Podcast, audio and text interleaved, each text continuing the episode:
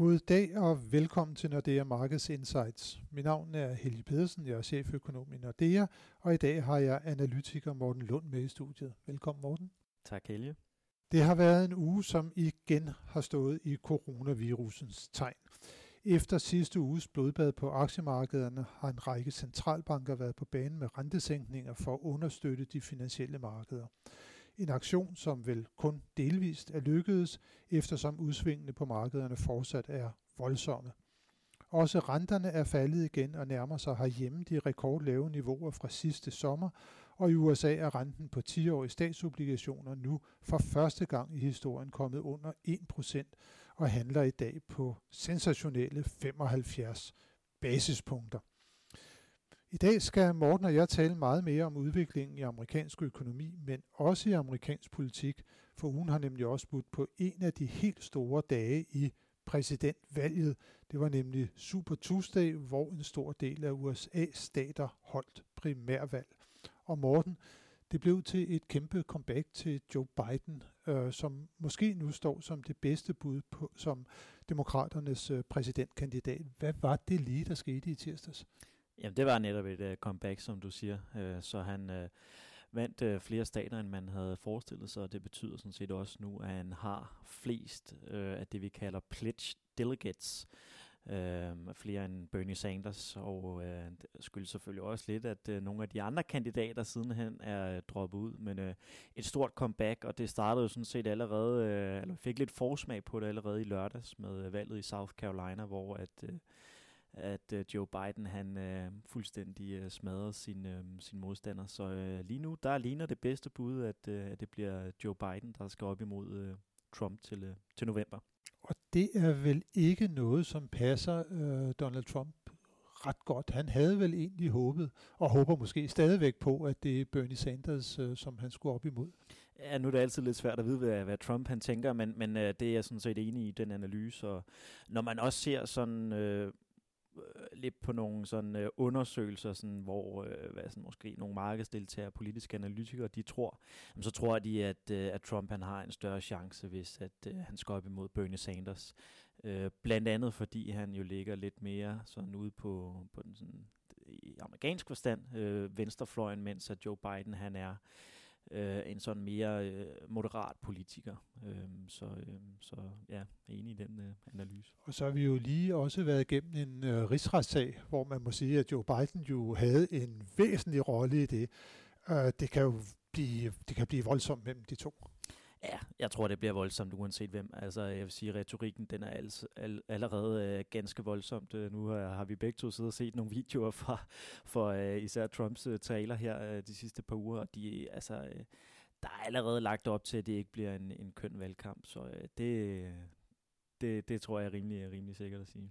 Hvis vi lige ser på finansmarkedernes reaktion, så steg de amerikanske aktier jo ret kraftigt efter det øh, stod klart, at det formentlig går hen og bliver Joe Biden og ikke Bernie Sanders. Hvad er det, markederne er så bekymrede for, hvis det skulle vise sig at, at blive Bernie Sanders, der, der kommer op mod, uh, mod Trump? Jamen, det, det er jo flere ting. Altså, man kan sige, uh, det som Bernie Sanders måske lægger op til, er en sådan lidt, jeg vil kalde det nærmest revolution, revolution af det amerikanske system. Og det, det medfører uh, selv sagt usikkerhed, uh, hvor at uh, Biden er sådan lidt mere det velkendte øh, alternativ. Altså man skulle huske på, da, da Obama han var præsident, der var det ikke så forfærdeligt tit, at han flyttede markederne, og der var Biden jo vicepræsident. Så det er måske det, man øh, kan forvente med Biden. Øh, og så Bernie Sanders lægger jo op til, at øh, man skal øge skatterne. Øh, og øh, det er sådan noget, som aktiemarkederne er sådan lidt bekymret for, øh, hvad, det, hvad det kommer til at betyde.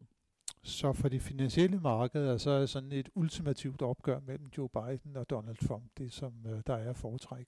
Uh, ja, det kan man måske godt sige. Uh, jeg ved ikke, om de synes at egentlig nogle af de tre, eller to-tre kandidater, hvordan vi nu skal vente, uh, øh, er helt... Uh, er helt optimal. Uh, men øh, jeg tror i hvert fald, hvis det bliver Bernie mod, mod Trump, så tror jeg, at markederne vil være, faktisk være mest tilfreds med, med Trump så vil de være mest tilfredse med Trump. Og markederne, som sagt, de reagerede jo også positivt her på, at det var Joe Biden, der gjorde det store comeback på Super Tuesday, men der var jo også noget, der var gået forud, øh, eller faktisk samtidig med tirsdag aften, der dansk tid, der, der, der må man sige, at der skete der noget, fordi at den amerikanske forbundsbank kom vel med noget af det, der var lidt af en øh, chokudmelding, da man sænkede renten med 50 basispunkter. Ikke fordi, at øh, det ikke var ventet, at de ville gøre det, men det var tidspunktet, som der måske tog øh, markederne lidt øh, med, med, ja, man kan ikke sige med bukserne nede, men i hvert fald så var der en vis overraskelse. Ja, altså vi har jo ikke set det siden øh, finanskrisen 2008, at, øh, at Federal Reserve har øh, ændret deres rente uden for øh, planlagt møde, så, øh, så det var en kæmpe stor overraskelse, kom der om eftermiddagen kl. 4, og betød, at vi måtte arbejde lidt længere på dagen. Øh, men når det er sagt, så, så havde markederne jo, som, som du også er lidt inde på, havde priset det lidt ind, så øh, og egentlig var aktierne jo rent faktisk steget ganske voldsomt dagen før på de her forventninger. Og da de så egentlig kommer med den her 50 basispunkter rentenedsættelse, så gav lige en, en, en positiv reaktion lige i starten, og så faldt aktierne faktisk tilbage. Øh, delvis for noget af, fordi noget af det var, var priset ind, men måske også fordi, at de finansielle markeder begyndte at spekulere i, okay, at det her så virkelig er recessionslamperne, der begynder at, at blinke her, når Fed kommer med, med sådan en øh, melding. Mm, ja, med sådan en panikhandling.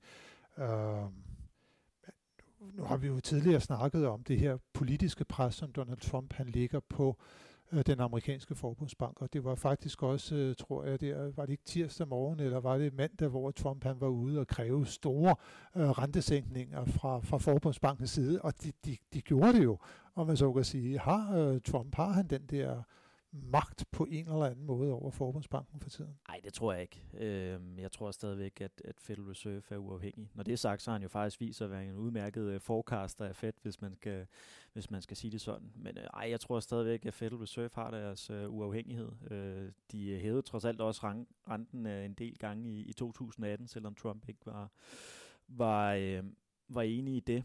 Øhm, og jeg vil sige i forhold til, øh, nu kom jo ud med en analyse i starten af året, hvor vi jo omtalte lidt om det her, om Fed de vil agere, når der var præsidentvalg, øh, eller ja, præsidentvalg senere på året. Og øh, der må vi i hvert fald sige, at øh, dataene i forhold til det, de viser, at Federal Reserve, de er ikke bange for at, at agere øh, i forhold til, hvis der, der kommer valg. Så jeg tror, at Federal Reserve, de gør, hvad de, øh, hvad de mener, der er bedst for, for amerikansk øh, økonomi. Og det var altså lige nu, det var at sænke renten med de her 0,5 procentpoint. Det skete, som du sagde, uden for møde. Der er møde øh, den øh, 18. 19. marts, altså om øh, blot to uger. Øh, kommer der mere der? Ja, yeah, det tror jeg, der gør. Hvis ikke det kommer før igen.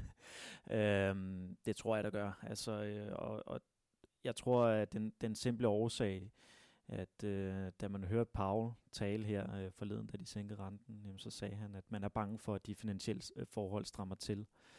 Og øh, når vi kigger på markedsprisningen lige nu, så forventer de jo nærmest øh, 50 basispunkter, mens vi lige er inde i studiet nu. Øh, så det vil sige, at hvis man ikke leverer noget øh, der om et par uger eller før, jamen, så vil man øh, de facto komme til at stramme de finansielle øh, forhold yderligere. Øh, og øh, også hvis man sådan kigger lidt på det øh, kommuniké, der kom ud i forbindelse med det her cut i tirsdags, jamen, så sagde de også, at øh, de er klar til at øh, øh, act as appropriate, og det har været sådan en, øh, en skjult hensydning det sidste øh, halve års tid. Når den sætning den står der, jamen, så, er, så er Federal Reserve klar til at levere flere rentenedsættelser. Så øh, det tror jeg, de kommer til at gøre. Renterne er sat ned i USA. og Det er de også andre steder. Bank of Canada kom, øh, jeg tror det var dagen efter, også med øh, et halvt procentpoint. Um, det har også haft en vis betydning på den amerikanske dollar, for man kan sige, at den øh, rentefordel, øh, som man har haft ved at være i amerikanske aktiver, den er, den er begyndt at forsvinde lidt nu her. Hvordan er det gået med dollaren på, på markedet på det seneste? Jamen, dollaren er jo gået fra øh, starten af året, tror jeg, vi lå omkring øh, 7 kroner i, i dansk regning, og nu er vi nede i 6,60. Øhm, så det er jo en sådan rimelig pæn øh, svækkelse, vi har haft med at gøre. Og det, det, altså, det skyldes selvfølgelig i høj grad det her med, at, at forventningerne til, at Federal Reserve de sænker, sænker renten, øh, det har helt klart haft en indvirkning på dollaren. Og det er er jo det typiske billede, lige når det begynder at pris, blive priset ind, at Fed de vil sænke renten, så får dollaren det svært. Øh, med det sagt, så kan tingene jo godt vende, forstået på den måde, at det, det vi så også ser, at hvis det nu rent faktisk skulle udvikle sig til en global recession, øh, jamen, så er det typiske billede sådan set, at dollaren har det øh, godt. godt. Ja. Fordi at det jo er en, et stadigvæk en sikker havn. Selvom der er nogen, der begynder at stille øh, jeg vil sige, lidt spørgsmålstegn ved, ved det.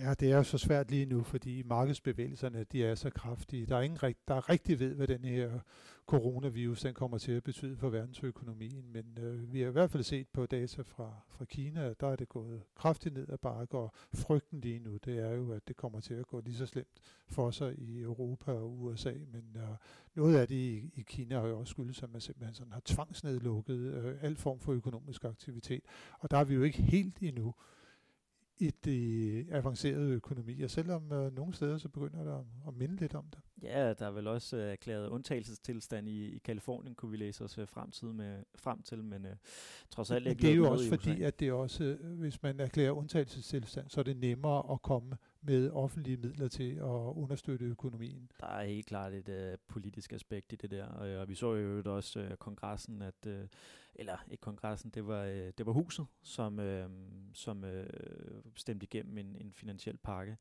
Øh, så der var faktisk en, for en gang skyld et hjælp til Trump øh, fra, fra Nancy Pelosi der. Og jeg tror, den var næsten tre gange så stor, som det man oprindeligt... Ja, 7,6 øh, milliarder ja, dollars. Jeg havde tænkt sig.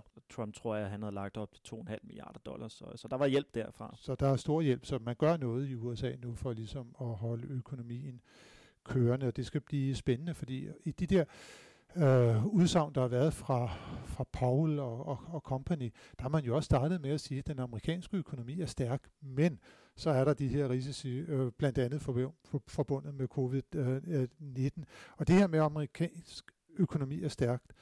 Noget af det, man måler det på normalt, det er udviklingen på arbejdsmarkedet. I dag, der kommer vi til øh, at få nogle tal fra, fra det amerikanske arbejdsmarked. Non-farm payroll, kongetallet bliver offentliggjort. Hvad skal vi vente os der? Vil der være en effekt fra, fra corona på arbejdsmarkedet allerede nu, eller er det for tidligt? Øh, der nok være en, en delvis effekt, men jeg tror ikke, den vil være sådan meget synlig. Altså, jeg tror ikke, man skal forvente, at non-farm payroll øh, lander ud på under 100 for eksempel.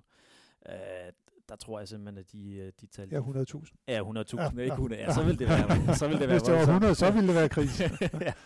ja. uh, nej, så jeg tror stadigvæk, vi, vi lander uh, på nogle sådan historisk set pæne nok tal, men, men vi vil nok kunne se måske nogle, nogle spæde tegn uh, på det. Uh, vi fik også nogle ISM-tal for fremstillingssektoren tidlig på ugen, hvor der måske var sådan, man kunne se nogle lille smule tendenser til det, men jeg tror, at uh, man skal nok forvente den sådan helt store effekt øh, fra, øh, fra corona. Det kommer nok først i, i, øh, i næste måned. Det kommer først i næste måned. Inden vi kommer ind i næste måned, øh, Morten, så er der jo også møde i andre centralbanker, og i næste uge, når vi kigger frem mod den, så er den enkelt største begivenhed, det er jo det rentemøde, som er i, i den europæiske centralbank i Frankfurt. Der er, ligger øh, forventninger nu i, i markederne om, at øh, ECB kommer til at sænke renten, og det er også vores eget skøn. Øh, det tror vi vel, ja, det tror vi vel stadigvæk på kommer til at ske. ja, det gør vi. Øh, de, øh, de har godt nok været lidt, lidt langsomme med udmeldingerne end, øh, end Fed. Øh, måske også fordi der er nogle politiske overvejelser over det. ECB er en lidt anden størrelse end, og, end Fed. Og, og man har en rente, der er minus 50 Selvfølgelig også det, allerede. Altså, man har ikke så meget at give af. Ja, så det er jo noget andet. Altså, så man skal jo ikke forvente, at ECB kommer med 50 basispunkter, som, som Fed gør. Øh, så vi tror jo kun, der kommer 10 basispunkter. Øh, og måske også lidt for understøtte valutaen, øh, kunne man snakke om. Men jeg tror også, at man vil lægge meget vægt på, øh, på, nogle, øh, på nogle tiltag på likviditetssiden, øh, som også i min optik nok vil have den største øh, indflydelse på, på realøkonomien. Øh, så jeg tror, der kommer en eller anden form for, øh, for pakke der fra ECB. Ja, for det er rigtigt, for det der er jo det store problem, det er, hvis øh, virksomheder i dag ikke kan sælge noget, fordi at de for eksempel mangler underkomponenter, hvis det er, at der ikke er nogen efterspørgsel, som vi ser inden for, for flybranchen øh, lige for tiden. Folk de, de rejser ingen steder, hoteller ligger tomme, og restauranter bliver ikke øh, besøgt, som de gjorde det tidligere. Der kan man jo hurtigt komme ind i det, der er en egentlig likviditetskrise, og det er super vigtigt, at det er, at man fra ECB's side siger, at det står man klar til at adressere. Og så bliver det jo også spændende herhjemme, og se, hvad Nationalbanken kommer til at gøre, når og hvis det er, at ECB sænker renten. Følger man efter, eller øh, tager man ligesom en spændesnævring nu her for også måske at styrke kronen lidt i en periode, hvor den har ligget svag. Det bliver vi alt sammen meget klogere på på torsdag. Det bliver en super spændende uge, Morten, som vi går ind i igen. Tak for nu til dig, og tak til alle jer, som har lyttet med til denne uges podcast. Det håber vi også, I vil gøre, når vi er tilbage næste uge med friske analyser og vurderinger af de finansielle markeder.